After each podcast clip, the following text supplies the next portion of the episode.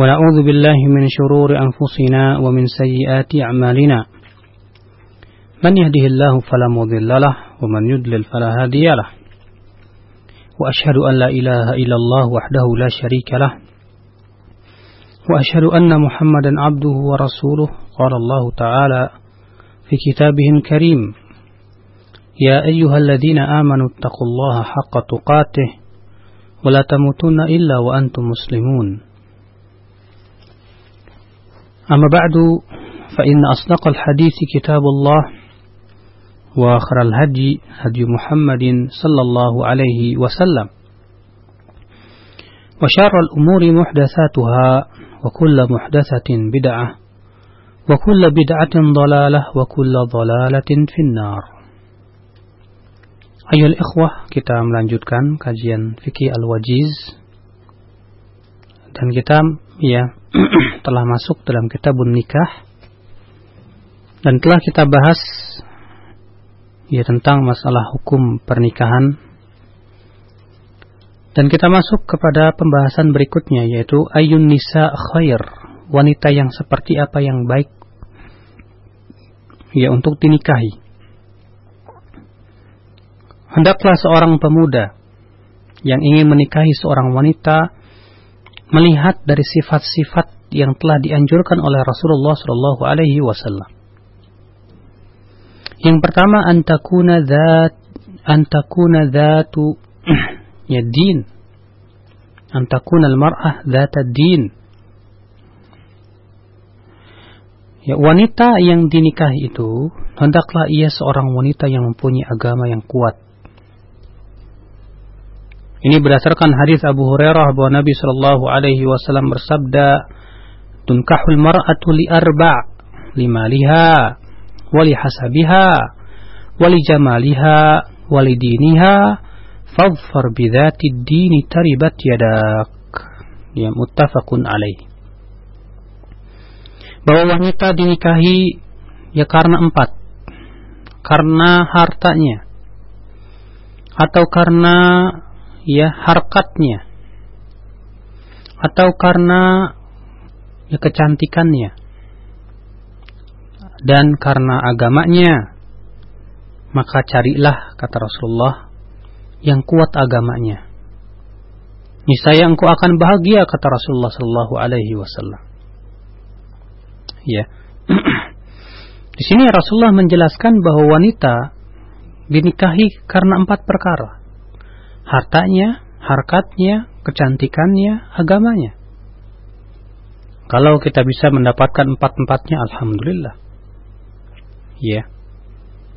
Kalau misalnya kita bisa mendapatkan dua dari empat ini, alhamdulillah.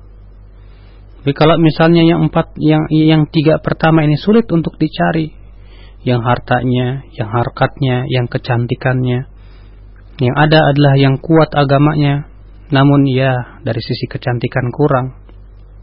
Ya sementara ada yang cantik tapi agamanya rusak maka hendaklah ia memilih yang mempunyai agama. Karena Rasulullah mengatakan, taribat yadak, niscaya kamu akan bahagia. Walaupun demikian tentunya kalau dia ingin mencari yang cantik pun tidak mengapa.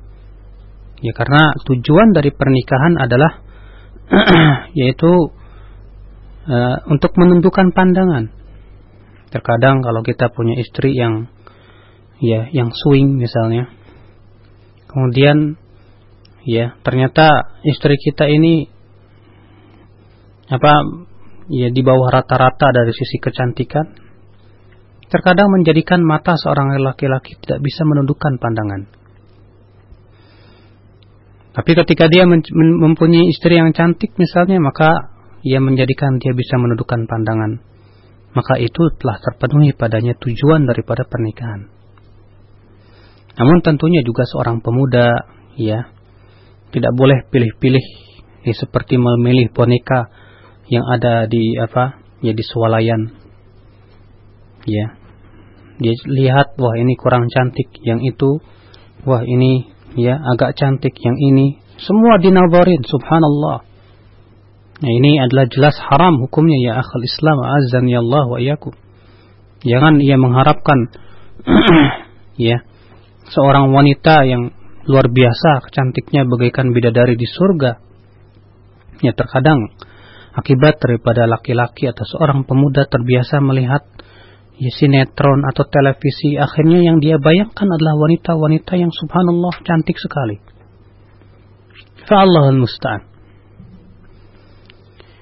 Yang kedua antakuna bikra. Ya hendaknya yang lebih bagusnya adalah yang dipilih yang masih perawan. Sebagaimana disebutkan dalam hadis Jabir bin Abdullah bahwa ia berkata, "Tazawwajtu mur'atan fi ahdi Rasulillah sallallahu alaihi wasallam." Aku menikah dengan seorang wanita di zaman Rasulullah sallallahu alaihi wasallam. Maka aku bertemu dengan Nabi sallallahu alaihi wasallam dan berkata, "Wahai Jabir, engkau sudah menikah?" Kata Jabir, "Betul, hai Rasulullah." Kata Rasulullah, "Perawan atau janda?" Aku berkata, "Janda, ya Rasulullah." Fahalla bikran tula ibuha. Kenapa engkau tidak ya, perawan aja yang biasa bisa engkau ya, ya bercumbu dengannya dan dia pun bercumbu denganmu? Qultu ya Rasulullah, innali akhwat. Hei Rasulullah, aku ini mas, punya saudara-saudara masih kecil. Fakhashitu an tadkhula baini wa bainahun. Ya, saya mempunyai saudari-saudari wanita dan aku takut ya apabila ia masuk antaraku dan antara mereka. Kata Rasulullah, "Fadha kaidan, kalau begitu tidak apa-apa." Ya. Ini ikhwatal Islam azani Allah wa iyyakum. Ya apabila akan tetapi apabila misalnya seseorang hamba atau seorang ikhwah menikahi seorang janda karena ia membantunya ya kehidupannya dan yang lainnya dengan niat seperti ini dia bahkan mendapatkan pahala yang besar. Sebagaimana disebutkan dalam hadis Nabi Shallallahu alaihi wasallam. Bahwa as-sa'i ilal amar ilal armalah orang yang membantu para janda ya kehidupannya maka dia seperti orang yang berjihad di jalan Allah Subhanahu wa taala. Yang ketiga ya akhi antakuna waluda. Hendaklah wanita yang dinikahi itu adalah yang banyak anaknya. Bagaimana tahu? kita melihat ya ibunya. Kalau ibunya banyak anaknya itu menunjukkan insya Allah keturunannya pun juga banyak anaknya. Ya Rasulullah Shallallahu Alaihi Wasallam bersabda, "Tazawwaju al-wadud al-walud, fa inni mukathirum bikumul umam." Nikahilah wanita-wanita yang banyak cintanya kepada suami dan banyak anaknya karena aku akan berbangga ya dengan banyaknya umat umat pada hari kiamat. Aku akan membanggakan kalian ya banyaknya kalian di depan umat-umat yang lain. Ini menunjukkan akhi kita dianjurkan untuk banyak anak. Ya. Karena banyak anak itu insya Allah banyak rizki. Setiap anak telah Allah tuliskan rizkinya.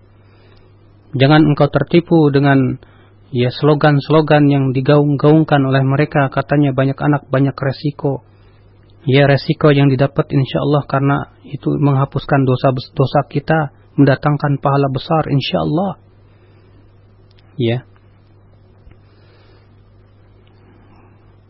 Ikhwatul Islam a'azzani Allah wa iyyakum Ayu rijali khair laki-laki yang seperti apa yang baik kalau seorang pemuda ya, ketika ingin menikah, hendaklah ia memilih wanita yang ya memberikan akan memberikan kebahagiaan dalam rumah tangganya. Karena tujuan akhir dari menikah adalah dalam rangka menegakkan agama Allah. Maka apabila ya kita menikah tidak tegak agama Allah yang adalah maksiat, maksiat dan maksiat, ini adalah ya rumah tangga yang tidak diberkahi oleh Allah Subhanahu wa taala ya rumah tangga yang dimurkai oleh Allah Subhanahu wa taala. Ya dan billah. Ya, kita berlindung kepada Allah daripada rumah tangga seperti itu. Maka seorang wanita pun juga berusaha ya untuk mencari pemuda yang saleh. Ya. Disebutkan dalam hadis dari hadis Abu Hatim Al-Muzani yang dikeluarkan oleh Tirmidzi dan disahihkan oleh Syekh Al-Albani rahimahullah "Idza ja'akum man tardawna dinahu wa khuluquhu fa'ankihuhu illa taf'alu takun fitnatun fil ardi wa fasadun kabir." Apabila datang seorang pemuda yang kamu ridhoi agamanya dan akhlaknya, maka nikahkanlah ia. Jika kamu tidak lakukan itu akan muncul fitnah di muka bumi ini dan kerusakan yang besar. Ya, tapi ini pun disyaratkan kalau wanita itu ridho. Ya, kalau wanita itu ridho, tidak ridho karena misalnya si wanita itu melihat ikhwannya ada sesuatu yang tidak serap di hatinya. Ya, walaupun dia memang soleh, baik akhlaknya, tapi kalau memang tidak serap di hatinya, ya tidak mengapa seorang wanita untuk menolak. Ya adapun hadis ini bahwa kalau tidak dinikahkan akan muncul fitnah yang besar, itu kalau si wanita ya si wanita menyetujuinya. Namun misalnya si orang tua tidak mau menikahkannya karena alasan ekonomi. Allah itu katanya pemudanya nggak punya duit, ya nggak punya kerjaan tetap, padahal dia tetap bekerja. Ya, banyak sekali terkadang orang tua orang tua yang masya Allah ya yang sangat materialis sekali. Ya, dia tidak pernah atau jarang atau bahkan mungkin menjadikan parameter seorang ya yang akan menjadi suami anaknya adalah yaitu yang kaya raya. Memang akhir terkadang seorang tua ingin sekali anaknya berbahagia. Namun orang tua yang bijak yang dia ya dahulukan adalah kebahagiaan dalam agamanya kebaikan untuk akhiratnya. Adapun di dunia, segala sesuatu itu sudah ditakdirkan oleh Allah. Bila, ia berusaha dan apabila ya insya Allah ia bersungguh-sungguh insya Allah Allah akan berikan rezeki padanya. Berapa banyak orang-orang yang setelah menikah yang tadinya mungkin nggak punya apa-apa, ternyata Allah Subhanahu Wa Taala berkahi pernikahannya. Allah banyakkan rezekinya, Allah luaskan rezekinya. Alhamdulillah. Dan seorang ayah boleh ya menawarkan anak wanitanya kepada lelaki yang saleh. Dan ini memang kewajiban ayah ya akhi, jangan sampai si wanita yang nyariin laki-laki seperti yang kita lihat subhanallah wanita-wanita yang tidak bertakwa kepada Allah. Yang mereka ya gentayangan keluar ke sana kemari mencari laki-laki dan wanita itu subhanallah ya akhi makhluk yang lemah Apabila serigala itu berbulu domba, yang memperlihatkan kebaikan si wanita itu langsung jatuh hati. Padahal di balik itu, ia telah siap, ia taring-taring yang menyeringai. Na'udzubillah. Maka dari itu seorang ayah yang bertanggung jawab berusaha untuk mencarikan untuk anak putrinya tersebut seorang pemuda yang soleh, yang baik. Sebutkan dalam hadis Ibnu Umar bahwa Umar bin Khattab ketika anaknya yang bernama Hafsah bintu Umar telah menjadi janda. Ya. Di mana suaminya yaitu Khunais bin Hudafah meninggal dunia di kota Madinah. Maka Umar berkata, ia berkata, aku datang kepada Uthman bin Affan dan aku menawarkan Hafsah kepadanya. Maka Uthman berkata, "Sa'anduru fi amri." Coba saya akan lihat lagi Lalu aku menunggu beberapa malam. Kemudian aku bertemu dengan Utsman, maka Utsman berkata, "Qad badali alla atazawwaj yawmi hadha." Tampaknya saya tidak ingin menikah tak ya di hari ini. Berkata Umar, Aku pun bertemu dengan Abu Bakar As-Siddiq. Padahal Abu Bakar As-Siddiq ini lebih tua dari Umar. Aku berkata, Ya bagaimana kalau aku nikahkan engkau dengan Hafsah bintu Umar? Namun Abu Bakar diam saja. Ia tidak menjawab. Dan aku ya merasa lebih kesal sama Abu Bakar daripada kepada Uthman. Karena Abu Bakar tidak menjawab sama sekali. Ya beberapa hari kemudian datanglah Rasulullah melamar Hafsah ya bintu Umar. Ya kemudian aku pun menikahkannya dengan Rasulullah Lalu Abu Bakar bertemu denganku dan berkata, Barangkali engkau marah kepadaku, hai Umar, ketika engkau menawarkan anakmu Hafsah, tapi aku tidak menjawab sama sekali. Umar berkata, iya. Abu Bakar berkata, sesungguhnya tidak ada yang mencegahku untuk apa untuk eh, apa menjawab ya tawaranmu itu kecuali aku ya tahu bahwa Rasulullah pernah menyebutkan Hafsah. Dan aku tidak ingin menyebarkan rahasia Rasulullah Sallallahu Alaihi Wasallam. Kalaulah Rasulullah meninggalkan Hafsah, aku yang akan menikahinya. Lihat ya akhi, ya. Umar bin Khattab, seorang ayah yang bertanggung jawab ketika anaknya telah menjadi janda. Ya. Maka Umar tetap bertanggung jawab untuk mencarikan suami untuk anaknya tersebut. Yang salih ditawarkannya kepada Uthman. Ditawarkannya kepada Abu Bakar. Ya. Dan ini bukan sesuatu yang aib. Namun ini untuk mencari keutamaan. Ya, kebaikan untuk anaknya. Sebaik-baik orang tua adalah yang berusaha mencarikan ya lelaki yang saleh yang akan membawa dia kepada ya kepada surga Allah Subhanahu wa taala. Sebaliknya seburuk-buruknya orang tua adalah yang mencarikan untuk wanita, untuk anaknya sebatas kekayaan walaupun ternyata dia orang yang paling fasik di dunia. Kemudian ayol ikhwah a'azani Allah wa ayakum kita masuk kepada pembahasan yaitu nazar. Ya. Wa man waqa'a fi qalbi khitbatu mar'atin syuri'a lahu an-nazar ilaiha qabla an yakhtubaha. Ini barang siapa seorang pemuda yang berkeinginan untuk melamar seorang wanita, hendaklah ia melihat dulu sebelum menkhitbah. Ingat, ini khusus buat mereka yang sudah benar-benar ingin menikahi seorang wanita. Adapun orang yang cuma sebatas pengen lihat doang, ya. Maka yang seperti ini diharamkan tetap tidak diperbolehkan, akhi. Ya makanya Syekh Utsaimin rahimahullah memberikan syarat buat mereka yang munazor itu, yaitu mereka yang betul-betul ingin menikahi wanita tersebut. Dan para ulama bersepakat di bahwasannya nazar itu disyariatkan bagi mereka yang ingin menikahi wanita. Allah Subhanahu wa taala disebutkan dalam hadis yaitu Muhammad bin Maslamah ia berkata khatabtu mura'atan faja'altu atakhabba'u laha. Aku ya telah meminang seorang wanita. Faja'altu atakhabba'u laha maka aku sembunyi-sembunyi.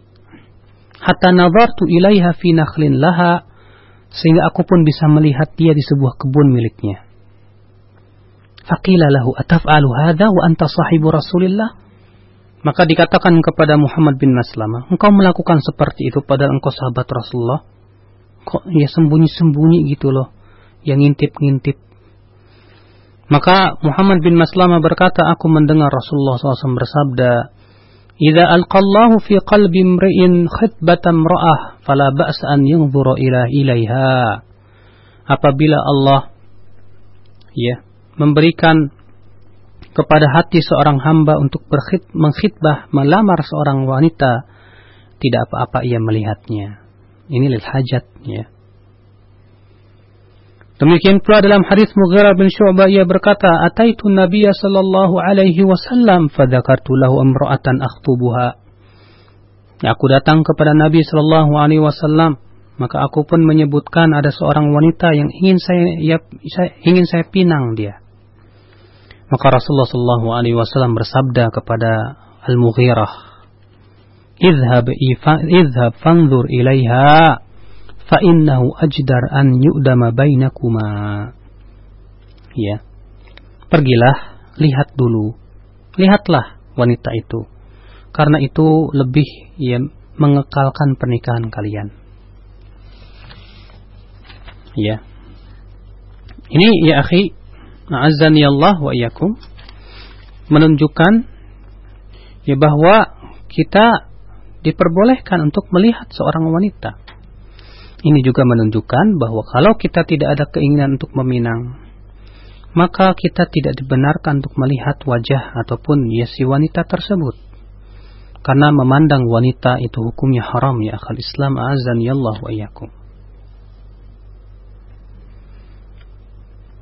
Ikhwatul Islam, a'azzani Allah wa iyyakum. Apa saja yang boleh dilihat dari bagian wanita, badan wanita? Terjadi ikhtilaf para ulama. Adapun jumhur ulama dari kalangan Hanafiyah, Malikiyah, Syafi'iyah mengatakan bahwa yang dilihat cuma dua saja. Wajah dan dua telapak tangan. Ya, kenapa? Karena wajah itu adalah merupakan ya simbol kecantikan. Dan tangan itu adalah menunjukkan kepada apakah si wanita ini badannya ceking, kurus ataukah dia gemuk, ya. Terlihat dari tangannya. Sehingga wajah dan tangan itu sudah mewakilinya. Ya. Sementara sebagian ulama dari madhab Hanabilah mengatakan boleh melihat yang terbiasa ya terbiasa ia terlihat di, di rumahnya seperti lehernya, rambutnya, ya, dua betisnya, kakinya. Ya disebut karena disebutkan dalam hadis ya bahwa Nabi Shallallahu Alaihi Wasallam ya uh, disebutkan dalam sebuah asar bahwa Umar bin Khattab melamar anak wanita Ali bin Abi Thalib. Maka kemudian ya Ali berkata kepada Umar, "Ab'atsu biha ilaika." Bagaimana kalau aku utus ia kepada engkau kalau engkau memang ridho, ia adalah istrimu. Maka diutuslah ya Ali oh, oleh Ali. Maka kemudian Umar pun ya menyingkapkan betisnya. Ya, maka wanita ini marah dan berkata, "Kalau bukan karena kamu Amirul Mukminin, ya aku akan tebas lehermu." Namun sayang sanadnya munqati. Akan tetapi ya, pendapat yang kedua ini berdalil juga dengan keumuman hadis yaitu unzur ilaiha. Lihatlah kepadanya. Di sini dimutlakan. Maka kemudian diikat dengan apa namanya? Sebatas yang terlihat di rumah. Maka boleh terlihat rambutnya boleh melihat ya e, betisnya. Sebatas yang terlihat di rumah saja maka itu diperbolehkan. Mazhab yang paling ekstrim adalah mazhab Ibnu Hazm mengatakan bahwasanya boleh melihat semua seluruh tubuhnya. Ya. Berdasarkan hadis katanya undur ilaiha lihat dia. Di sini mutlak dan tidak memberikan sama sekali pengecualian akan tetapi pendapat ini sangat lemah. Ya karena tidak ada satupun sahabat yang memahami demikian. Yang sahih yang rajih wallahu a'lam. Yaitu pendapat yang pertama atau yang kedua pendapat jumhur atau pendapat setelahnya yaitu ya boleh melihat ya cukup wajah dan dua telapak tangan atau yang kedua yaitu boleh pula rambutnya karena terkadang ada wanita masya Allah ya kalau pakai jilbab terlihat cantik sekali. Tapi kalau pakai buka jilbab ya masya Allah rambutnya ya keriting ya seperti rambut ya orang-orang Ethiopia. Ya sehingga akhirnya ketika melihat rambutnya mungkin membuat dia ya apa namanya tidak enak begitu. Maka Allah alam itu diperbolehkan. Kemudian ya akhi, apakah nazar atau melihat wanita yang hendak dinikahi itu disyaratkan harus seizin wanita itu atau tidak? Jumhur ulama mengatakan tidak disyaratkan. Ya berdasarkan hadis Muhammad bin Maslamah yang tadi bahwa ia bersembunyi-sembunyi. Ya faku ya fak. Demikian pula hadis Jabir bin Abdullah di mana ia berkata fakhatabtu jariatan aku meminang seorang wanita. Fakuntu atakhabba ulah dan aku sembunyi-sembunyi. Ya dan dalam hadis Muhammad bin Maslamah ia juga sembunyi-sembunyi. Ya sampai ia melihat bagian tubuh yang membuat dia senang untuk menikahi dia ini menunjukkan akhi ya tidak disyaratkan harus sesuai seizin daripada si wanita tersebut. Dan ini subhanallah syariat Islam. Ya adapun syariat barat dan yang lainnya yang kemudian diikuti oleh banyak pemuda kaum muslimin dengan cara pacaran, ya kenalan. Lalu kemudian setan pun melemparkan syubhat katanya, bagaimana mau menikahi seorang wanita sementara saya nggak kenal siapa dia? Ya dengan pacaran saya bisa kenalan dulu. Ya bagaimana ini orangnya, bagaimana itu apa inu itu apa itu dan ini. Jelas ya akal Islam ini adalah merupakan talbis iblis la'anahullah. Ini sebab yang pertama. Bahwasanya orang pacaran pasti akan memperlihatkan yang baik-baiknya saja dan menyembunyikan yang buruk-buruknya sebagaimana itu yang kita saksikan. Yang kedua, bahwasanya berapa banyak orang yang pacaran itu ya, setelah beberapa tahun dia pun cerai. Yang ketiga, bahwa pacaran itu maksiat dan maksiat itu tidak menyebabkan tidak berkah ya rumah tangga seorang hamba yang dimulai dengan kemaksiatan kepada Allah Subhanahu wa taala. Maka hendaklah bertakwa para pemuda itu. Ya hendaklah ia melaksanakan syariat Ya kalau dia memang ingin menikahi seorang wanita, ya lihat, ya pergi ke rumah walinya, kemudian nazar, ya, kemudian baru ia nikah dengannya. Ikhwatul Islam, boleh tidak mengulangi nazar dua kali. Ikhwatul Islam a'azani Allah wa. Kalau misalnya, ya ketika melihat nazar yang pertama dia kurang jelas, maka boleh ia mengulangi dua yang kedua kalinya. Ya. Ikhwatul Islam a'azzani Allah wa iyyakum. Dan yang harus diingat apabila seorang pemuda ya kemudian nazar melihat seorang wanita dan ternyata dia merasa tidak seret dengan wanita tersebut. Jangan sekali-kali ia cerita ke orang-orang, ah itu perempuan kurang bagus, ah perempuan ini begini dan begitu, ah ada kekurangannya ini haram hukumnya ya akhi. Karena itu termasuk gibah yang diharamkan dan itu menyakiti perasaannya. Ya. Kemudian, apa boleh nador melalui foto atau video? Ya, tidak ada larangan. Dan yang sahih itu adalah boleh. Misalnya, ya, dia wah nggak ada mahram yang bisa menemaninya. Ya, dan sementara ada seorang laki-laki yang ingin nazar kepadanya, melihatnya. Maka tidak mengapa misalnya ya dia divideokan, dilihat, ya atau misalnya pakai apa namanya eh, apa namanya foto, tapi yang lebih bagus lagi video karena itu lebih mendekati aslinya terkadang di foto-foto itu ya ada perempuan cantik di foto jadi jelek. Ada perempuan jelek di foto jadi cantik. Jadi akhirnya terkadang tidak sesuai dengan kenyataan. Ini juga ya menyebabkan akhirnya kekecewaan maka tidak bagus seperti itu. Ikhwatul Islam a'azzani Allah wa iyyakum. Dan ingat tidak boleh berdua-duaan dengan wanita yang dinazar Ya seorang laki-laki yang ya pergi ke rumah walinya ingin nazar misalnya tidak boleh dua-duaan asik-asikan sampai kemudian ketawa cekikikan. Ya akal Islam azan Allah yang akhirnya jadi pacaran juga. Ya. Karena Rasulullah sallallahu alaihi wasallam bersabda, "La yakhluwanna rajulun bi imra'atin illa kana thalithuhuma syaitan." Tidaklah seorang laki-laki berdua-duaan dengan wanita dengan tanpa mahramnya kecuali yang ketiganya adalah setan kata Rasulullah Sallallahu Alaihi Wasallam. Ya. Lalu bagaimana mengajak bicara wanita yang ya sudah dia lamar seperti telepon-teleponan, SMS-SMSan.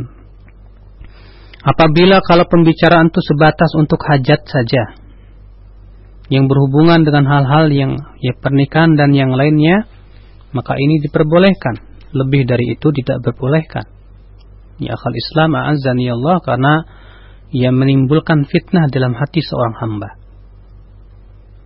Ini berhubungan dengan yaitu nazar. Kemudian ya akhi kita masuk ke meminang melamar. Apa itu melamar? Itu talabuz zawaj minal mar'ah bil wasilatil ma'rufati bainan nas. Yaitu meminta supaya dia bisa menikahi wanita ya pada asalnya yaitu kepada walinya tapi untuk janda tidak apa-apa dia langsung minta kepada dirinya ya dengan dikembalikan kepada uruf. Karena ter, ya cara-cara meminang itu dikembalikan kepada uruf.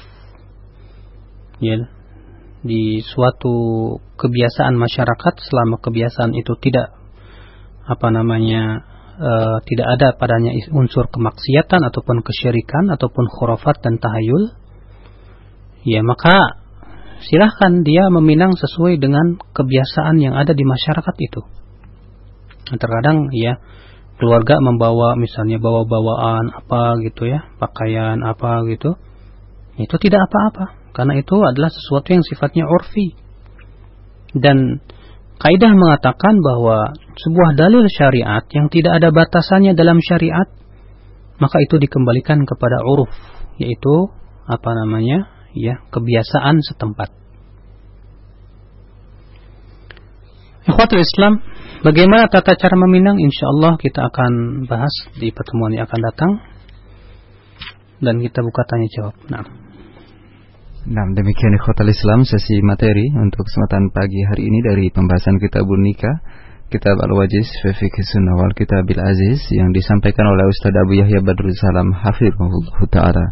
Selanjutnya ikhwatal Islam kami akan berikan kesempatan untuk Anda yang akan bertanya secara langsung untuk pagi hari ini di nomor telepon 021 823 6543 atau bisa dengan melalui pesan singkat yang kami berikan di nomor 0819896543 dan untuk yang pertama kita akan angkat dari eh, penanya melalui telepon. Assalamualaikum Waalaikumsalam Nah silakan dengan siapa dari mana dengan Nadi Pak dari Jakarta Timur Nah silakan mohon dikecilkan radio monitornya ya. Uh, begini Pak saya seorang pemuda, uh-huh. di alhamdulillah sudah punya pekerjaan. Yang Tapi sudah punya ini udah nikah belum? Belum, Ustaz. Oh, belum. Nah, ini hmm. saya ada niat gitu. Saya suka sama seorang akhwat. Uh, tapi dia itu ingin menikahi dia, cuman dia itu belum siap karena alasannya belum mengenal gitu, Ustaz. Jadi Cuman, pengennya pacaran dulu gitu? belum ya, mengenal antum iya belum mengenal gitu maksudnya hmm. saya saya tuh nggak mau nggak pengen pacaran gitu hmm.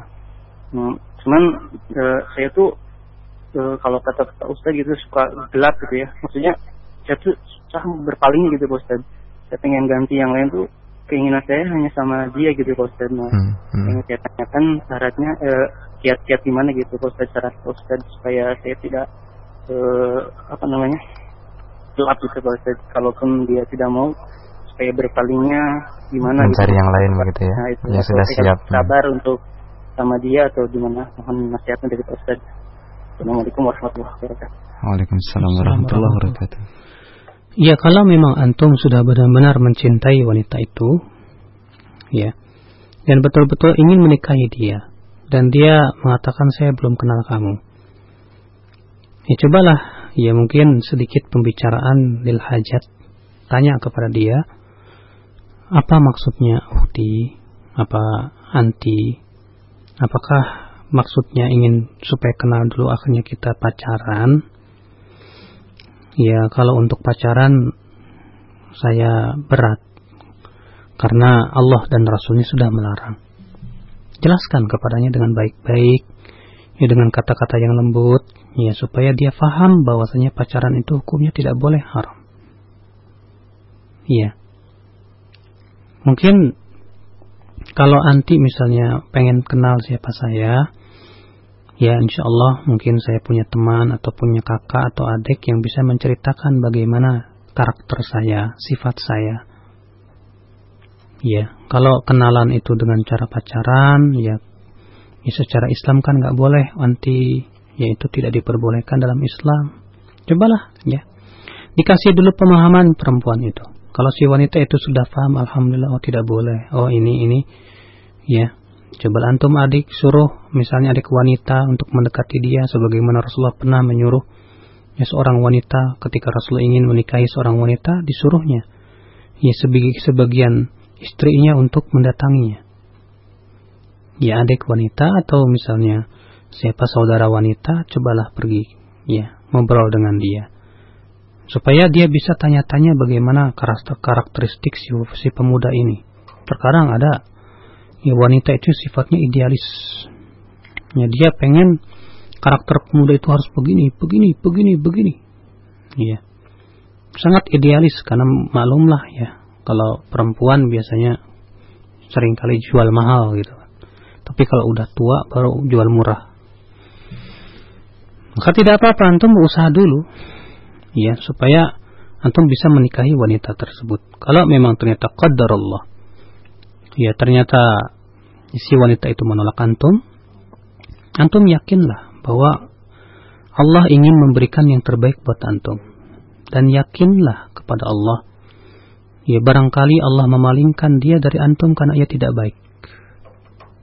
Ya, bukankah isi daripada doa istikharah?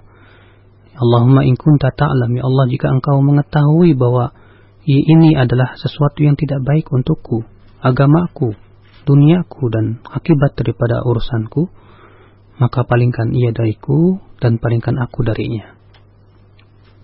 Ya, kalau ternyata si wanita dipalingkan oleh Allah dari engkau, yakinlah bahwa ternyata wanita itu bukan ya dan apa namanya ya tidak baik buat kamu.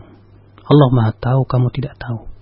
Segera banyak berdoa kepada Allah, sebab sebab segera ya banyak bermunajat kepada Allah dan segera nazar lagi dengan wanita lain. Ya barangkali Allah berikan yang lebih cantik buat kamu, yang lebih baik agamanya dari dia. Ya, kita tidak tahu. Allah a'lam. Nah, selanjutnya dari pertanyaan penelpon yang kedua ada Umur Rahma di Bekasi. Assalamualaikum. Waalaikumsalam warahmatullahi wabarakatuh. Silakan.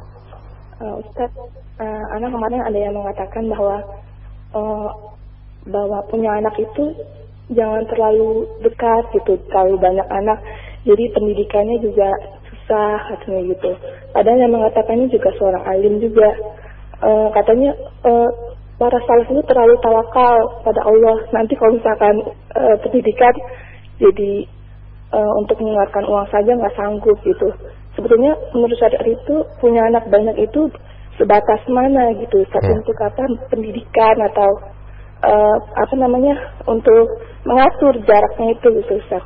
Ya, syukuran. Assalamualaikum warahmatullahi wabarakatuh. Nah, Waalaikumsalam warahmatullahi wabarakatuh. Ia memang mengatur jarak ya kelahiran untuk maslahat yang besar atau ada hajat itu boleh-boleh saja. Ya, itu semua diserahkan kepada kemampuan kedua orang tua. Kalau memang ya untuk tiap tahun ya tidak mampu, repot dan yang lainnya sulit. Ya. Walaupun dengan pembantu misalnya, karena mungkin juga ekonomi yang pas-pasan, tidak apa-apa dia sebatas untuk ya menjaga jarak apa memberikan jarak-jarak tapi tidak membatasi. Iya, untuk supaya lebih anak mendapatkan ASI yang cukup dua tahun dan lebih mendapatkan perhatian dalam pendidikan dan yang lainnya. Ya, untuk kemaslahatan yang besar, ya boleh-boleh saja. Tapi kalau kemudian dia sampai mengatakan salaf itu terlalu terlalu tawakal, ini sudah mencemooh namanya. Ya. Salafur soleh, tawakal mereka lebih kuat dari kita. Dan tawakalnya mereka lebih baik daripada kita. Tawakalnya mereka disertai dengan usaha mereka lebih kokoh dan lebih kuat keimanan dan dari sisi fisik dan kekuatan dalam pendidikan. Makanya ya mereka banyak anaknya tapi jadi semua. Kenapa? Karena mereka kuat kekuatan tawakal yang disertai dengan usaha. Ya, dia kira tawakal itu tidak tanpa ada usaha. Ya, karena kebodohan dia terhadap mana daripada tawakal itu sendiri barangkali akhirnya dia suudon kepada salafus saleh. Jelas ini perkataan yang tidak layak. Nah. Nah, selanjutnya dari pertanyaan uh, Ibu Ati di Jakarta Selatan, silakan. Assalamualaikum. Waalaikumsalam warahmatullahi Silakan ke inti pertanyaan, Ibu. Uh, apa kalau seorang wanita sudah bermaksud untuk menikah, ini sering di jodohkan gitu tapi ternyata si awannya tidak menyukainya. Dan seorang wanita sampai kini belum juga mendapatkan jodoh itu. Apakah seorang wanita yang belum mendapatkan jodoh itu suatu kehinaan? Karena sering kali dicemooh dihinanya begitu. Iya. penjelasan enggak kau hari diulangi bu Bis, uh, jadi si, ah, pertanyaan si akhwat itu suka menolak atau gimana? Iya, si akhwatnya pilih-pilih gitu ya. Si akhwatnya mas menerima aja gitu. Tapi akhwatnya terlalu mahal gitu bu ya? Ikhwannya. Ikhwannya nggak mau? Nggak mau gitu. Oh jadi ditolak terus? Iya. Iya iya iya ya. Nah, Waalaikumsalam. Warahmatullah. Uh, tentunya ya seorang wanita wajib bersabar.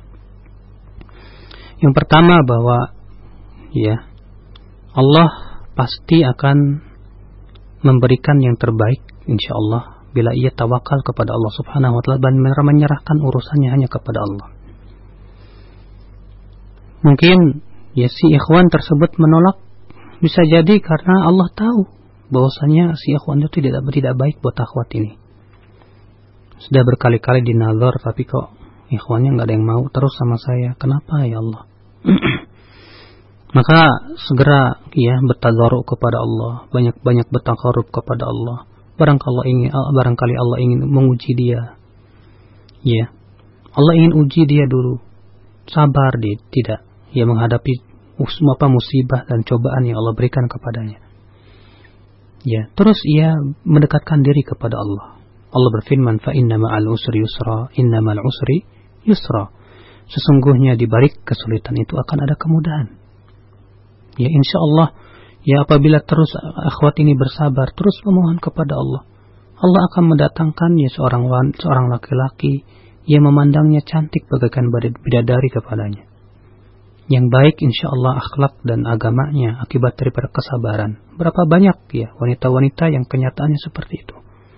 Setelah dia sabar, dia menghadapi ujian, cobaan, ternyata Allah berikan yang terbaik buat dia. Allah Nah, selanjutnya kita angkat pertanyaan yang datang dari begitu banyaknya pesan singkat di 0819896543 dan ini ada kaitannya dengan pertanyaan sebelumnya tadi Ustaz.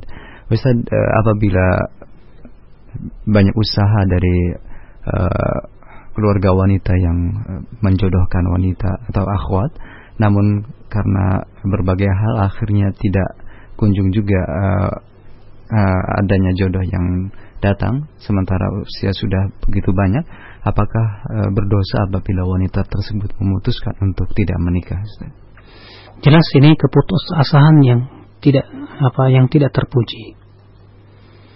Ya apalagi wanita itu sudah mengatakan memutuskan untuk tidak menikah maka seakan dia mengatakan saya sudah putus asa dari rahmat Allah pada Allah berfirman innahu la yai'asu min rauhillahi illa al-qamur kafirun. Sesungguhnya tidak ada yang berputus asa dari rahmat Allah kecuali suatu kaum yang kafir. Ya. Jangan kita putus asa, jangan kita mengucapkan kata-kata yang dimurkai oleh Allah Subhanahu wa taala, apalagi memutuskan sesuatu yang tidak sesuai dengan sunnah. Dia tahu dari mana ya bahwa dia tidak akan mendapatkan jodoh selama-lamanya. Ya, walaupun memang usia yang sudah tua dan ternyata tidak ada kunjung datang seorang pemuda yang meminangnya. Ya, tetap dia tetap membuka diri kalau memang ternyata ada ya alhamdulillah. Tapi kalau tidak ada ya saya ingin bersungguh-sungguh untuk terus menuntut ilmu Allah Subhanahu wa taala.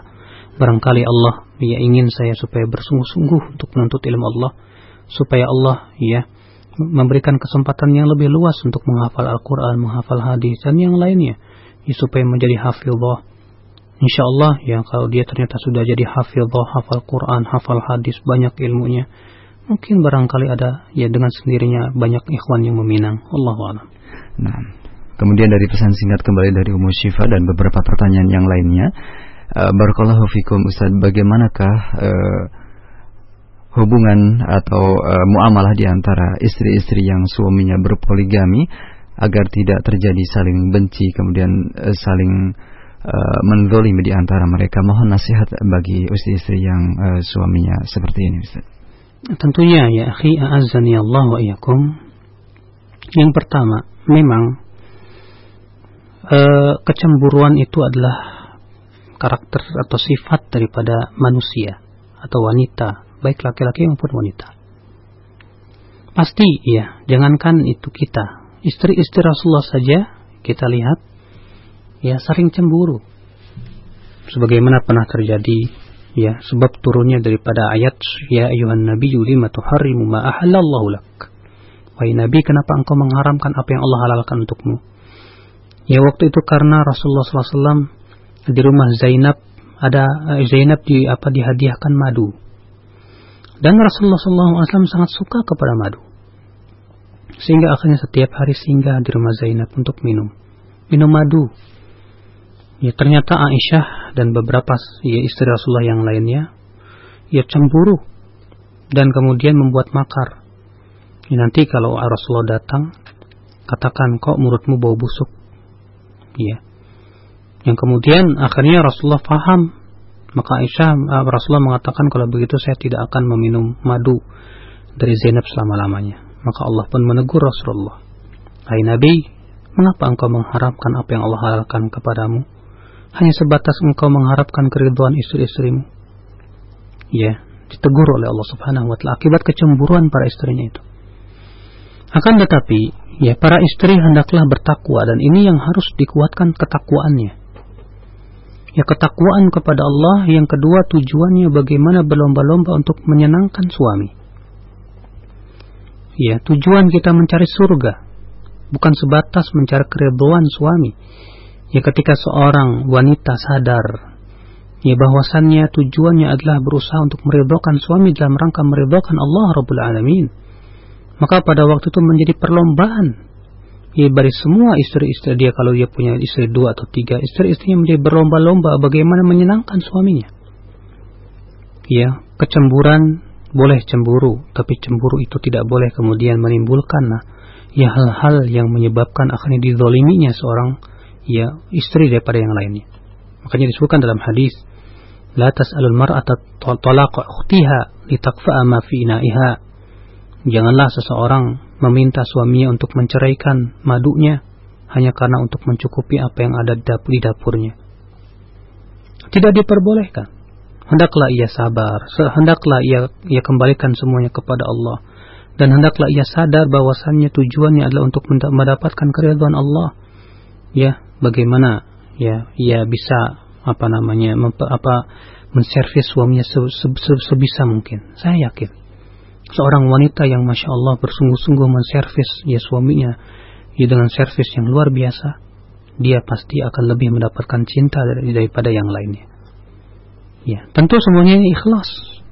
Makanya keikhlasan ini penting juga untuk mereka. Ikhlas menerima keadaan sabar ia menghadapi ketentuan yang kemudian disertai dengan tawakal kepada Allah Rabbul Alamin dan bersungguh-sungguh mencari keridhaan Allah Ya, makanya di sinilah keimanan itu sangat penting sekali. Ya, makanya seorang wa akhwat atau yang kenyataannya ternyata suaminya seperti itu sudah poligami, maka segera dia banyak-banyak tabar apa tabaruk dan menekatkan diri kepada Allah ya kepada Allah dan takarub kepada Allah Subhanahu wa taala. Mohon kepada Allah supaya di supaya dikuatkan hatinya dan dihilangkan rasa cemburunya tersebut. Ya dan supaya diberikan kekuatan untuk terus berbakti kepada suami. Allah Baik, selanjutnya masih dari pesan singkat dari uh, saudari Khaila di uh, Bogor. Uh, Barakallahu fikum. Ustaz, ada dua pemuda yang hendak melamar anak uh, yang uh, keadaannya berbeda. Manakah yang uh, sebaiknya saya pilih untuk menjadi suami? Apakah seorang uh, yang mualaf uh, tetapi memiliki akhlak yang baik ataukah seseorang yang eh, seorang pemuda yang memiliki ilmu agama yang cukup baik namun eh, diketahui akhlaknya yang eh, kurang baik. Iya. Uh, memang ini adalah pilihan yang serba salah. Yang satu mualaf tapi akhlaknya baik. Yang satu ya berilmu tapi akhlaknya kurang baik.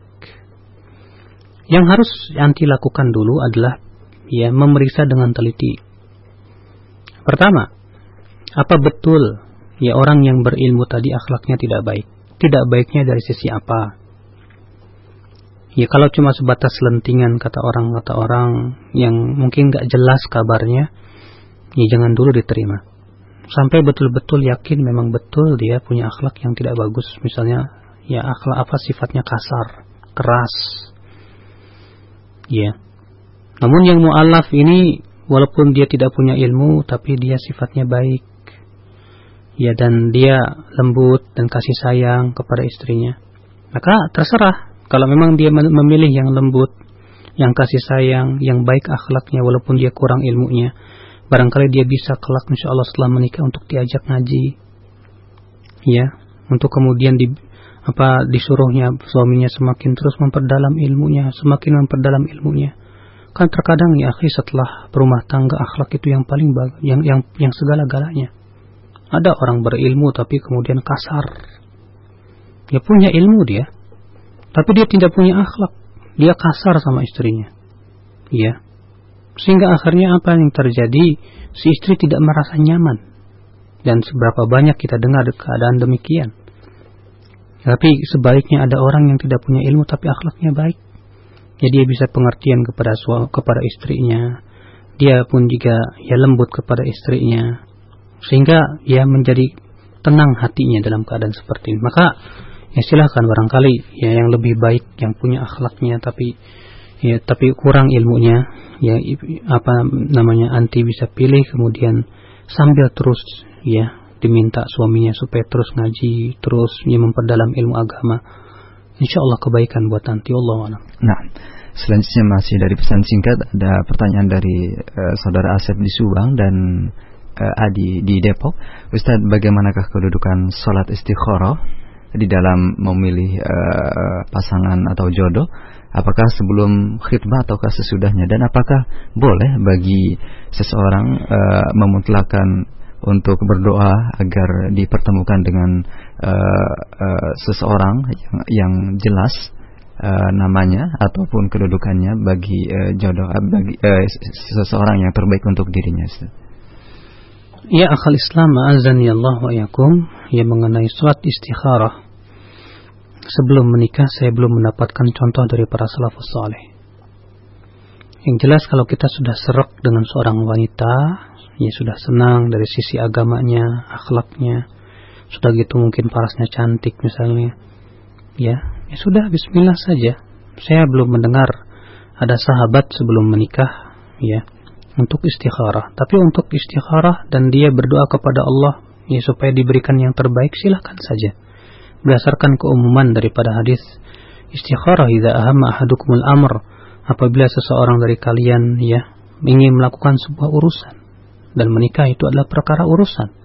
Demikian pula sebagian sahabiat ya ketika Rasulullah wasallam meminangnya ia ia memohon kepada Allah ya supaya yang terbaik dijadikan itu terbaik untuknya. Ya karena ia takut kalau ia tidak bisa melayani Rasulullah SAW semaksimal mungkin. Itu tidak apa-apa. Ya. Maka uh, tentunya ya akal Islam yang harus dia fahami bahwa kita tidak tahu seorang wanita itu baik atau tidak untuk kita. Oleh karena itu, ya tidak bagus kita berdoa kepada Allah dengan mengatakan ya Allah pertemukanlah aku dengan si fulanah bintu fulanah. Karena dia tidak tahu bagaimana apakah itu baik buat dia kelak setelah ia berumah tangga. Dari mana ia tahu? Yang lebih bagusnya dia berdoa ya Allah jika memang dia baik untukku ya berikan aku kemudahan untuk menikahinya dan tolong berkahi pernikahanku dan ridhai aku ya Allah dalam pernikahanku itu tapi jika dia tidak baik ya Allah, tolong palingkan dia dariku dan palingku, palingkan hatiku darinya. Kemudian ia berikan aku keriduanmu dan berikan kepadaku yang terbaik untukku. Itu lebih bagus lagi ya. ya. Karena dia tidak tahu apakah wanita itu adalah merupakan sesuatu yang terbaik baginya atau tidak. Allah Nah, selanjutnya kita angkat pertanyaan dari penelpon kembali untuk yang berikut ada Ibu Rahma di Bintaro, silakan Ibu. Assalamualaikum Ustaz Waalaikumsalam warahmatullahi uh, Gini Ustaz uh, Saya mau tahu ya uh, Suami macam apa yang harus dihormati di Katolik uh, Sedangkan suami saya tuh kasar uh, tidak sholat terus uh, apa suka mungkit-mungkit apa yang dia berikan gitu Ustaz. Saya sakit hati Ustaz. Cuma gimana ya Ustaz ya, saya harus bagaimana sama dia. Uh, sedangkan saya pernah minta talak sama dia. Tapi dia bilang uh, apa uh, akan mau menghancurkan saya gitu Ustaz. Di depan orang tua saya dia ngomong gitu juga Ustaz. Saya harus bagaimana Ustaz sedang saya ini aparat Ustaz. Ah, cukup Ibu. Iya. Nah. Uh, tentunya ibu, barangkali ibu bisa memberikan penyelesaian-penyelesaian yang terbaik, ya, dengan cara misalnya kalau dia aparat, cobalah ibu ya bilang ke atasannya, atasan dari aparat itu, karena biasanya kalau aparat tunduk banget sama atasan, ya, mungkin dia punya atasan yang bisa ibu hubungi dan ceritakan dan ibu bisa ceritakan keadaannya begini pak bisa nggak bapak menasihati suami saya? Bapak kan atasannya dia. Ya tolonglah saya keadaannya seperti ini dan itu. Biasanya kalau aparat itu ya tunduk sama atasannya itu ya Allah alam yang kedua ya teruslah ibu kalau keadaannya seperti itu misalnya kalau ibu juga mau minta talak ya akhirnya balah mudorot atau ibu minta hulu juga bakalan mudarat buat hidup ibu, ya maka barangkali ini adalah sebagai ujian buat ibu terus bersabar. Ya barangkali ya di balik kesabaran ibu itu akan mendatangkan sebuah hikmah yang agung. Allah berfirman, Inna Allah ma'as sabirin. Sesungguhnya Allah bersama orang-orang yang sabar. Ya. Dan tidak ada ya suatu pemberian yang lebih baik dan yang lebih luas daripada kesabaran kata Rasulullah Sallallahu Alaihi Wasallam. Ya Allah ingin menguji ibu, ya Allah ingin mengampuni dosa-dosa ibu dan mengangkat derajat ibu. Ya keadaan yang ibu hadapi memang ter, ya berat, apalagi dia tidak sholat, subhanallah. Ya, maka kalau memang ternyata ibu misalnya sudah berikan nasihat berbagai macam cara sudah ya sudah ditempuh apalagi dia tidak sholat dan itu merupakan uzur yang syar'i untuk kita ya meminta khulu tidak apa-apa. Ya. Tapi kalau misalnya dikhawatirkan akan mudarat yang lebih besar, lebih baik kita sedikit bersabar dan yakinlah ya bahwa orang yang bersabar itu tidak akan disia-siakan oleh Allah Subhanahu wa taala. Uh, tentunya Ibu, ya. Kesabaran itu insya Allah akan memberikan hasil yang terbaik. Ya, pernah saya kisahkan di sini ini seorang wanita yang dia bersabar menghadapi ya kekejaman suaminya. Sabar dan sabar tanpa mengeluh sedikit pun juga. Ya akhirnya dia pun meninggal dunia. Ya, dia meninggal dunia. Beberapa tahun kemudian setelah dari kematiannya, ya lebih dari 10 tahun, ternyata kuburannya itu dipindahkan, digali, ternyata mayatnya masih utuh ya tidak berubah sedikit pun juga. Barangkali itu adalah sebagai karomah untuknya dan pemulihan Allah atas akibat daripada kesabarannya. Allah a'lam. Dan selanjutnya uh, ada pertanyaan yang datang dari Pak Mansur di Sentul. Silakan Pak. Assalamualaikum Ustaz. Waalaikumsalam warahmatullah. Saya mau bertanya ini Ustaz. Saya punya pertua uh, selama ini rumah tangga saya dengan anaknya hampir tahun. Itu ya dibilang nggak pernah sholat sih pernah saja kadang sebulan sekali kadang sekali jarang sekali. Ini kadang-kadang kalau dikasih nasihat sebu sholat sebu ngaji udah kamu aja sholat. Saya mau gampang kamu aja ngaji saya gampang ah. ini gimana Ustaz cara saya menghormatinya ini Ustaz oh, itu anak bapak eh, mertua Iya, itu mertua saya. Mertuanya ya. Uh, mertua Bapak jadi sulit untuk diajak sholat gitu Pak ya. Sulit, Iya, ya, itu aja Pak Mansur. Begitu aja. Assalamualaikum warahmatullahi wabarakatuh. Waalaikumsalam warahmatullahi wabarakatuh. Iya, menghadapi mertua ya hampir sama dengan menghadapi orang tua. Iya, kita terkadang menghadapi orang mertua itu harus lebih lembut dibandingkan dengan yang lainnya.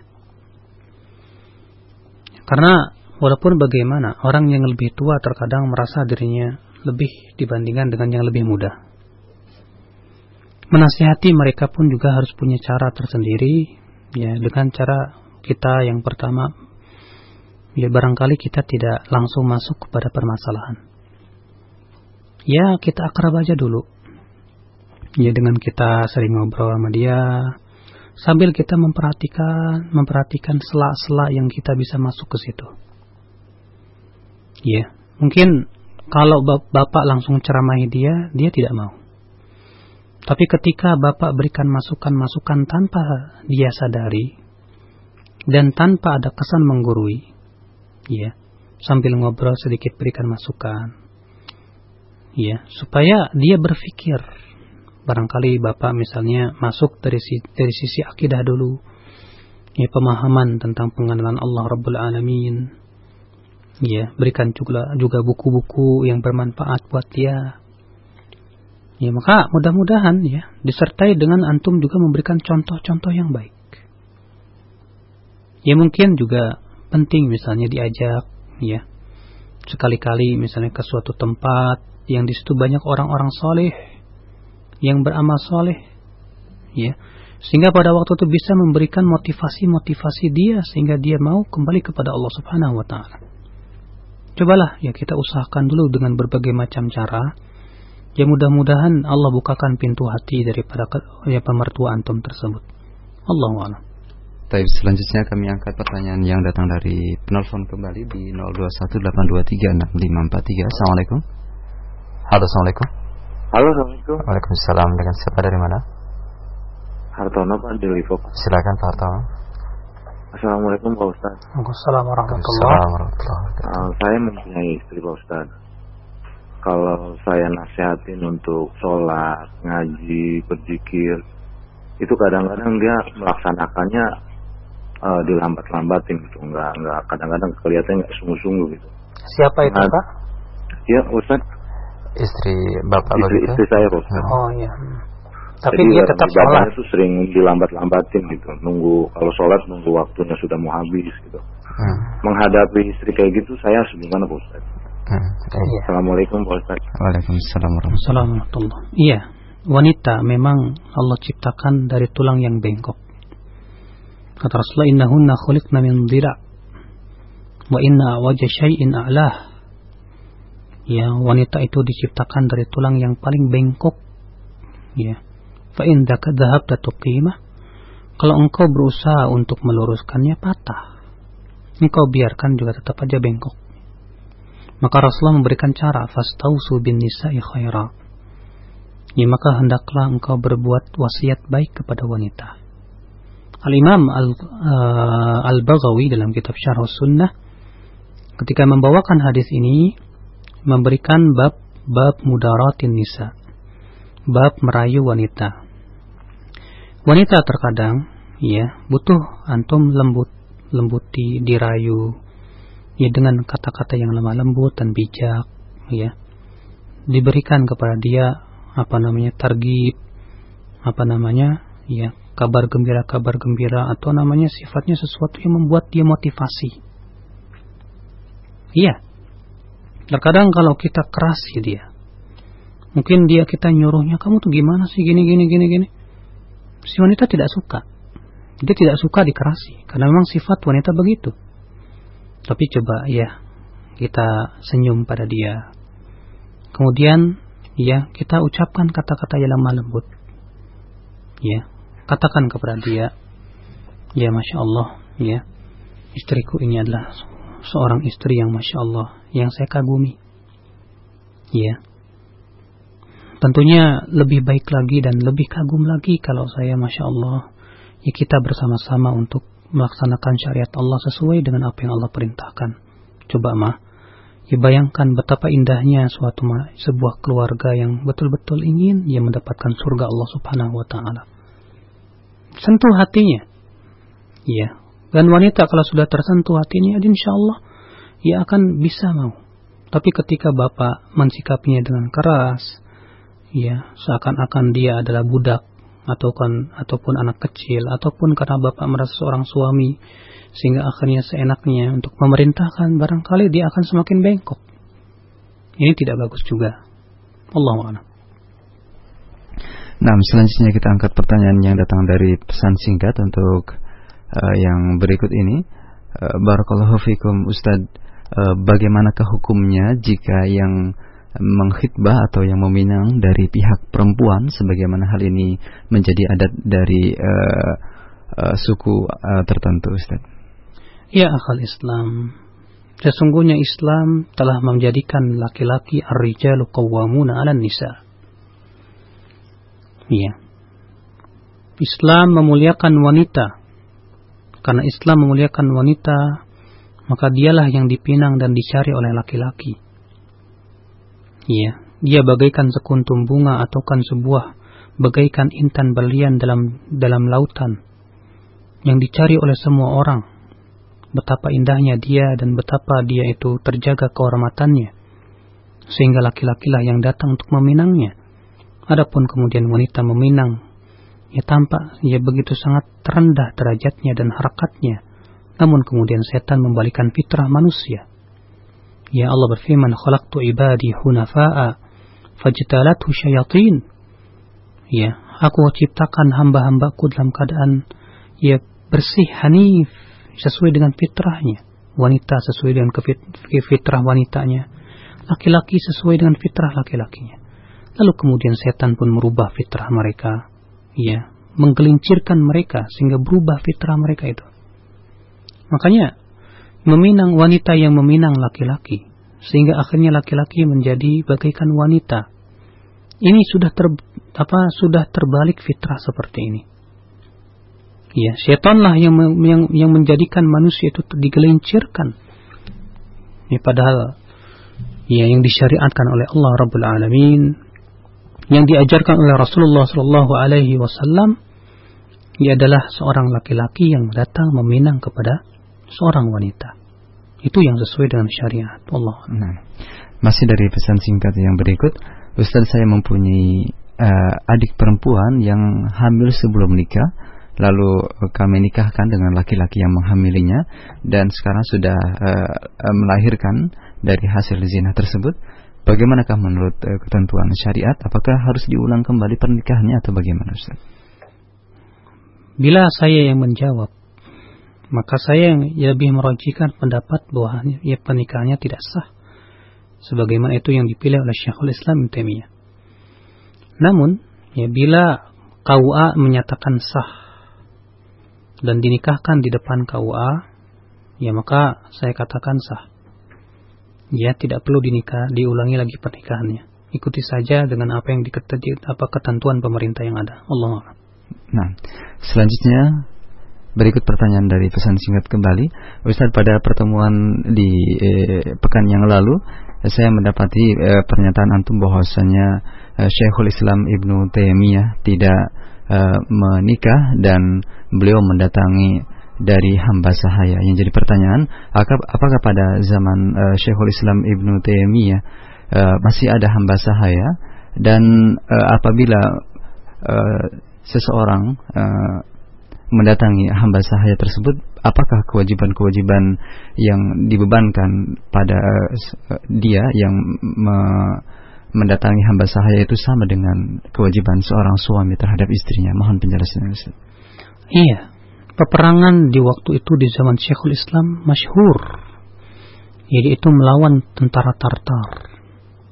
Yang waktu itu Tatar menguasai dunia Islam ya Baghdad dan beberapa negeri-negeri Islam yang lainnya kekejaman tentara Tartar sangat ya terkenal dicatat dalam kitab-kitab ya sejarah. Dan kemudian di zaman Syekhul Islam itulah ya pertama kali apa kemenangan tentara Islam ya, terhadap Tartar. Makanya kalau antum baca ya uh, sejarah kehidupan di zaman Syekhul Islam Taimiyah akan tahu insya Allah ya bahwa ter, apa terjadi peperangan melawan orang-orang kufar. Sehingga kemudian ya ketika ada tawanan dari kalangan ya dari lawan atau musuh ya, kemudian dibagi-bagikan menjadi gonimah akhirnya jadi, jadi jadilah dia budak sebagai hamba saya. Yang boleh didatangi oleh majikannya ya setelah haid satu kali setelah bersih sekali. Ya, akan tetapi tentunya haknya dengan antara ia dengan istri dan ia dengan hamba saya jauh berbeda. Adapun istri, dia wanita yang merdeka. Dia harus dihormati hak-haknya. Ya, sedangkan hamba saya, dia bukan wanita merdeka, dia bagaikan bujang dan pembantu, namun juga harus dihormati bahwa dia adalah seorang ya manusia yang harus dijaga, yang tidak boleh dizalimi. Ya, wallahu a'lam. Nah, selanjutnya pertanyaan yang datang dari pesan singkat kembali. Uh, Barakallahu fikum uh, Ustadz uh, mengenai uh, sholat istikharah yang tadi dijelaskan, uh, apakah ada batasan waktu bagi sholat istikharah ataukah uh, terus menerus sampai ada ketetapan hati? Mohon penjelasannya Ustaz. Tidak ada batasan waktu. Apabila ia mengulangi lagi, ya silahkan. Akan tetapi terjadi kesalahan di dalam memahami daripada sholat istikharah. Kesalahan yang pertama, sebagian orang ya menganggap bahwa ketetapan hati itu melalui mimpi. Ya. Ini adalah merupakan perkara yang tidak pernah ditunjukkan oleh syariat, bahkan ini berasal dari sufi. Sehingga akhirnya dia menunggu mimpi dulu sebagai jawaban dari Allah Subhanahu wa taala. Ya, padahal yang antum harus tahu bahwa menikah itu adalah tidak disukai oleh syaitan. Syaitan lebih suka engkau berzina. Barangkali setan akan datang kepada kamu, jangan kamu nikah sama dia. Akhirnya enggak nikah-nikah jadi seret engkau kepada perbuatan zina iya dan billah. Ya akhi, ya.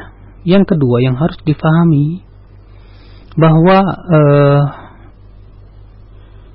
kalau kita sudah sholat istikharah, kalau misalnya kita ingin menikah dengan seorang wanita, kemudian kita sholat istikharah, yang harus kita lakukan apa? Kata para ulama tetap maju terus, jalan terus maju, maju. Kalau ternyata di jalan kok Allah terus berikan berbagai macam kesulitan? Ya sehingga dari misalnya dari orang tua wanita tersebut kok malah nggak setuju sama saya. Ya maka pada waktu itu barangkali itu adalah perkara yang tidak diridhai oleh Allah Subhanahu wa taala. Ya mundur aja cari yang lainnya. Ya itu jadi kalau kita istikharah itu bukan kemudian kita mundur dari yang kita inginkan tetap kita maju terus maju terus. Ya Sebab tanda daripada seseorang itu diridhoi oleh Allah dimudahkan segala-galanya. Sahih. Ya, ketika ia istikharah kepada Allah, mohon kepada Allah, ya Allah mudahkan. Ya, karena ada isi daripada istikharah itu adalah, ya Allah kalau ini adalah baik buatku, maka berikan kemudahan. Itu ternyata dimudahkan. Ya, dia datang, ya, ternyata semua urusan-urusan dimudahkan oleh Allah tiba-tiba rizkinya datang dari arah yang tidak disangka-sangka. Dan yang lainnya itu tanda bahwa Allah Subhanahu wa taala meridainya Allah a'lam. Nah, masih dari pesan singkat dari uh, saudari Ifa Ustadz, uh, saya hidup di lingkungan masyarakat yang uh, masih awam, tidak ada satupun uh, ikhwan yang uh, sejalan manhajnya dengan ana saat ini di masyarakat ana. Uh, yang jadi pertanyaan, bagaimanakah caranya agar Eh, saya bisa bertemu jodoh anak sedangkan tidak ada teman yang lain yang sejalan atau yang bisa dijadikan sebagai wasilah dari uh, perantaraan datangnya jodoh Ustaz. Ini akhwat ya. Nah, sudah akhwat. Ya tentunya dia berusaha semampu semaksimal mungkin. Ya dia mungkin bisa pergi ke sebuah pengajian. Nah, kemudian dia bisa kenalan dengan akhwat-akhwat di sana. Ya. Yang kemudian atau mungkin mungkin juga dia misalnya mengambil majalah tertentu meminta tahu ada kajian di sini di daerah mana misalnya. Ya sehingga kemudian dia berusaha untuk datang ke pengajian ke pengajian. Tentunya juga niat yang paling utama adalah untuk ngajinya. Ya bukan karena bukan ingin cari jodohnya. Ya sambil kemudian kenalan sama akhwat-akhwat sambil kemudian dia berikhtiar sambil disertai dengan doa kepada Allah Subhanahu wa taala agar diberikan yang terbaik untuknya. Ya. Dan juga juga ya tentunya sambil kita apa namanya untuk ilmu gunakan masa kesendirian itu untuk terus ya menggali ilmu, menggali ilmu. Sebab mungkin setelah menikah ia tidak akan sempat untuk melakukan itu. Ya. Sebelum menikah dan ketika dia menunggu jodoh datang, sambil dia berusaha, sambil dia terus menuntut ilmu, terus dia menghafal Quran dan menghafal hadis Nabi Shallallahu Alaihi Wasallam dan memahami agama ini. Allah Nah, selanjutnya dari penelpon kembali ada Abu Mila di Pondok Ranggon, silakan Pak. Halo. Assalamualaikum. Waalaikumsalam warahmatullah. Mohon maaf dikecilkan radio monitornya Bapak atau agak jauh dari radio monitornya. Saya Abu Mila Pak dari Pondok Rangkon. Silakan. Nah, saya ingin menanyakan hukum yang saya sendiri ini orang awam belum mengerti hukum tentang apa uh, atau bercadar ini bersangkutan dengan hadis yang tadi Ustadz katakan bahwa kalau mau menikah itu harus wah boleh untuk melihat wajah dan telapaknya. Di sini saya berpikir bahwa di zaman Nabi wanita di sana itu berarti pakai purda ya, bukan seperti yang uh, dari para ustadz bilang katanya kalau di surat An-Nur diterjemahkan harus pakai tak bisa melihat apa wajah dan dan pakai kerudung lah gitu ya. Hmm. Nah, yang saya pertanyakan apa benar kalau di zaman Nabi itu wanitanya pakai kuda karena dari hadis itu saya berpikir kalau boleh melihat wajah dan telapak dengan izin berarti kan wanita itu pakai kurda kondisi atau cadar tertutup ya. Iya. Terputus apa? Uh, gitu. Terima kasih. Nah, silakan Ustaz. Iya, yang pertama Pak, bahwa telah diriwayatkan dalam beberapa hadis yang menunjukkan bahwa para wanita di zaman Rasulullah itu memakai cadar. Iya. Sebagaimana disebut dalam hadis bahwa ka'anna ru'usuhunna ghirban. Seakan-akan kepala-kepala mereka itu bagaikan burung-burung gagak. Dan dalam sebuah asar Ibnu Abbas ya, seorang wanita di zaman Rasulullah itu menutup semua wajahnya kecuali satu mata dia melihat. Iya. Akan tetapi juga ada hadis-hadis yang lainnya yang menunjukkan bahwa sebagian sahabat pun sebagian sahabat tidak memakai cadar. Maka dari itu yang rojih yang dirojihkan oleh Syekh Albani rahimahullah bahwa cadar itu hukumnya tidak wajib.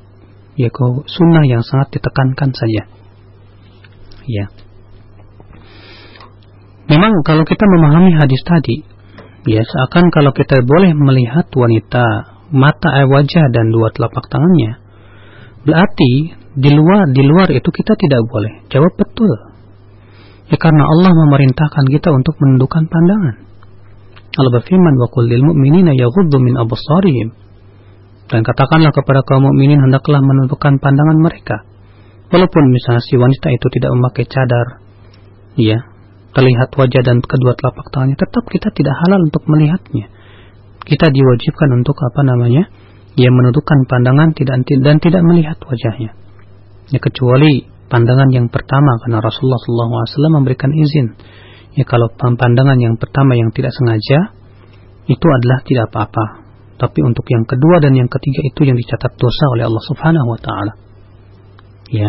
Allah Nah, Selanjutnya dari uh, pertanyaan Ibu Tris di Bekasi yang sudah masuk, kami persilakan Ibu. Assalamualaikum. Waalaikumsalam warahmatullahi uh, Begini Pak Ustaz, uh, kalau misalnya ya ada seorang uh, pria ingin mencari jodoh, tiba-tiba dia ingin melihat wajah maupun tubuh, bentuk tubuhnya atau bagian takut ada yang cacat bagaimana dengan disuruh wali atau orang tuanya untuk melihat walaupun dia tidak melihat untuk melihat kondisi secara langsung ya. tubuhnya hmm. itu bagaimana apakah boleh di, di diwakilkan di, uh, diwakilkan untuk melihatnya untuk membuka maksudnya mem, mem memperlihatkan kepada orang tuanya atau walinya untuk bagaimana supaya tidak ada keadaan tubuh cacat hmm. ini maksud supaya depan nanti kecewa. Terima kasih. Assalamualaikum warahmatullahi wabarakatuh. Waalaikumsalam warahmatullahi wabarakatuh. Uh, ini pernah dilakukan oleh Rasulullah. Di mana Rasulullah ya mengutus seorang wanita kepada wanita yang Rasul ingin nikahi. Bahkan Rasulullah menyuruh untuk mencium mulutnya, lehernya, ketiaknya. Ya sampai demikian supaya ketahuan ini kok perempuan suka nyikat gigi apa enggak gitu kan. Ada perempuan yang tidak mengurus dirinya sehingga badannya bau. Ya. Dan terkadang suaminya merasa kesel nih istrinya nggak mau ngurus badannya, ya bau apek terus. Yang harusnya dia ya cantik di depan suaminya. Nah ini tidak apa-apa. Ya kita utus orang saudari kita atau misalnya ya siapa gitu untuk melihat, coba lihat bentuk tubuhnya. Boleh ia bertanya bagaimana bentuk tubuhnya, bagaimana misalnya payudaranya, bagaimana gini dan begitu, tapi yang melihat saudarinya. Itu tidak apa-apa. Allah a'lam. Nah, selanjutnya kami uh, angkat pertanyaan yang datang dari penelpon kembali untuk uh, di lima menit terakhir kita. Assalamualaikum. Waalaikumsalam. Silakan dari mana Pak Ustaz, saya mau nanya ya. Hmm. Ini uh, ada teman saya, uh, dia menikah siri tapi uh, pernah suaminya mengucapkan dia wallahi dia tidak memberikan nafkah lahir. Uh, tapi istri pertamanya kalau uh, suaminya mau ke sana suka bilang pokoknya saya tidak rela dunia akhirat kalau kamu ngasih uang atau sandang pangan berupa apa pun bentuknya apa pun jumlahnya berapapun apakah itu istrinya yang pertama bisa dosa? Mengucap begitu apa nanti suaminya kalau melanggar bisa termakan sumpahnya gitu. Gitu aja Ustaz. Terima kasih. Assalamualaikum. Waalaikumsalam warahmatullahi wabarakatuh. Nikah siri kalau maksudnya yaitu tidak lapor ke KUA ya, sebatas dia menikah tapi ada wali, ada saksi dan mahar dan ijab kabul hmm. terpenuhi terpenuhi semua syarat-syaratnya sah saja. Hmm. Iya. Tapi kalau alangkah lebih baiknya kalau dia lapor ke penghulu. Iya uh, yang harus diketahui bahwa sumpah seperti ini haram. Dan Rasulullah Shallallahu Alaihi Wasallam saja mengharamkan nadar untuk berbuat maksiat. Demikian pula sumpah untuk berbuat maksiat itu haram, maka dia wajib membatalkan sumpahnya dan membayar kafarat sumpah. Adapun ya si istri dengan mengatakan saya tidak ridho dunia akhirat, ucapan seperti ini, seperti ini pun dimurkai oleh Allah. Karena ya walaupun bagaimana istri yang kedua punya hak ya dari sisi lahiriahnya, punya hak dari sisi ya dia diberikan nafkah. Ya. Maka janganlah ia karena kecemburuannya mengucapkan kata-kata yang dimurkai oleh Allah Subhanahu wa taala. Hendaklah ia bertakwa kepada Allah dan suaminya pun juga jangan kemudian hanya karena mencari keriduan istri akhirnya dia membuat murka Allah. Sebagaimana halnya Rasulullah ditegur oleh Allah. Ya apakah engkau Nabi, kenapa engkau mengharamkan apa yang Allah halalkan buat kamu? Ya, ya hanya karena kamu mengharapkan keriduan istri kamu. Artinya jangan, jangan ya kita melakukan sebuah kemaksiatan ya jangan kita menjadikan Allah murka kepada kita akibat daripada kita cemburu ataupun karena kita ingin menyenangkan istri kita hendaklah si suami tetap adil, tetap ya kuat. Maka dari itu saya nasihatkan kepada para laki-laki sebelum menikah dua yang kedua persiapkan dulu mental. Ya persiapkan dulu segala-galanya, jangan sebatas semangatnya saja untuk menikah. Ya setelah menikah akhirnya malah beban buat berat buat diri antum. Akhirnya akhirnya antum juga stres dan yang lainnya. Jangan seperti itu. Ya perlihatkan sunnah itu sesuatu yang indah. Jangan kemudian hanya karena semangat-semangat seperti itu akhirnya ya sesuatu yang diizinkan oleh syariat terlihat buruk ya. Terlihat ya sesuatu yang menyeramkan dan yang lainnya. Maka ikhwatul Islam azan ya Allah wa yakum ya seorang laki-laki yang ingin poligami wajib dia harus dia mempersiapkan segala-galanya ya, agar dia kemudian tidak mendolimi salah satu daripada istrinya tersebut. Ya, Allah alam. Baik, uh, satu pertanyaan terakhir saja untuk kesempatan pagi hari ini dari pesan singkat. Ustaz, saya seorang akhwat yang sudah siap menikah dengan seorang ikhwan, tetapi orang tua melarang untuk segera menikah karena ikhwan tersebut masih kuliah. Mohon solusinya yang terbaik Ustaz untuk permasalahan ini. Iya, coba kita memberikan nasihat dulu kepada orang tua. Coba bawakan hadis ini ya apabila datang kepada kamu seorang pemuda yang kamu ridhoi akhlak dan agamanya nikahkan. Dan sadarkan bahwa rizki itu semua di tangan Allah. Kita tetap berusaha masing-masing berusaha. Ya. Maka ya coba kita usahakan dulu terus ya. Untuk memberikan nasihat-nasihat yang lemah lembut kepada orang tua kita. Ya barangkali kita minta kepada paman cobalah paman ya sadarkan kepada orang tua saya ya saya takut ya jatuh kepada fitnah, kepada zina dan yang lainnya. Apa paman, paman ridho kalau saya kemudian jatuh kepada zina dan yang lainnya? Cobalah. Ya mudah-mudahan si paman, si paman atau uwa, ya kakak daripada ibu itu bisa memberikan nasihati, nasihat kepada adiknya. Ya, ya mudah-mudahan ya usaha anti diberkahi oleh Allah dan berhasil dan dibukakan ya hati kedua hati kedua orang tua anti. Ya untuk segera ia menikahkan anti dengan pemuda idaman anti tersebut wallahu alam. Subhanakallahumma bihamdik. Asyhadu an la ilaha illa anta astaghfiruka wa atubu ilaik. Wassalamu alaikum warahmatullahi wabarakatuh. Waalaikumsalam warahmatullahi wabarakatuh